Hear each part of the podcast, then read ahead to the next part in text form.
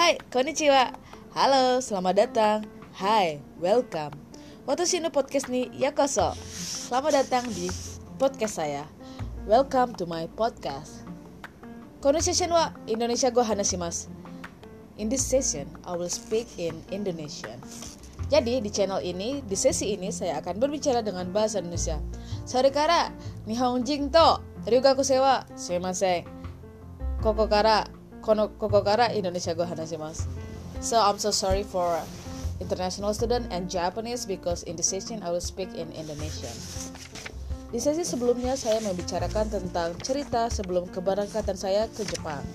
Jadi di sesi kali ini saya akan membicarakan tentang keberangkatan keberangkatan saya ke Jepang. Maaf ya ngomongnya agak belibet. Malumlah saya bukan uh, penyiar profesional. Jadi seperti yang telah saya saya ceritakan di sesi sebelumnya bahwa enam bulan pertama saya di Jepang saya tidak menerima beasiswa, tapi saya menjalankan program research student. Dan saat itu saya juga menjadi research assistant di Eisner. Jadi teman-teman mencari beasiswa ke luar negeri itu ternyata nggak semudah membalikkan telapak tangan aktif di berbagai organisasi ketika kuliah, tamat dalam jangka waktu 3 tahun lebih 11 bulan, memiliki IPK 3 ke atas, dan menjadi mahasiswa teladan tingkat kabupaten pun ternyata enggak cukup untuk menaklukkan sebuah beasiswa.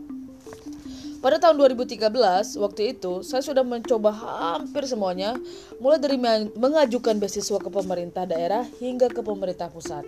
Karena waktu itu, jeda antara saya wisuda dan keberangkatan saya ke Jepang itu kurang dari satu bulan. Jadi saya wisuda tanggal 7 September, saya berangkat ke Jepang tanggal 2 Oktober.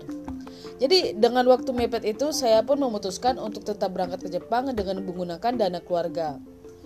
Jaminan saya apa untuk meyakinkan keluarga saya itu adalah ya saya saya akan menyelesaikan apa yang sudah saya mulai. Dan ketika saya melakukan program reguler, saya janji saya akan mendapatkan beasiswa. Nah, Sehari setelah melakukan presentasi dalam Forum Teknik Elektro Indonesia, Forte, perjalanan saya ke Jepang pun dimulai. Berarti ini tanggal 2 ya, tanggal 2. Saat itu saya tekadkan untuk mencari biaya kehidupan selama menempuh program research student.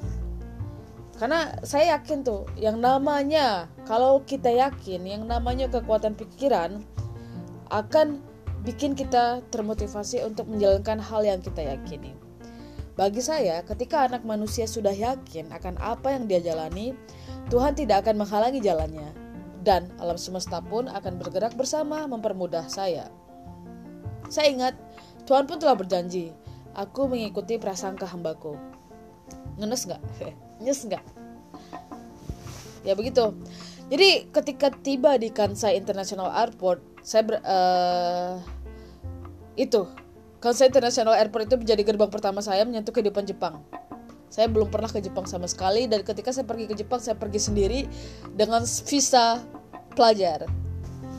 Gak ada satu orang di Jepang pun yang saya kenal. Pada waktu itu alumni dari kampus saya di Sumatera itu gak banyak yang ke ke Pulau Kyushu.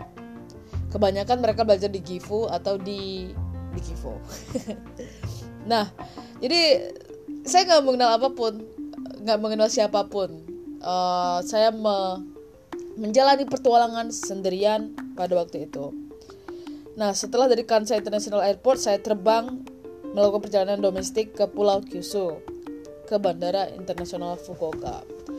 Ketika saya tiba di bandara tersebut ada dua orang laki-laki yang menyambut saya yaitu senior saya yang akan saya ceritakan di sesi selanjutnya Terima kasih sudah stay tune.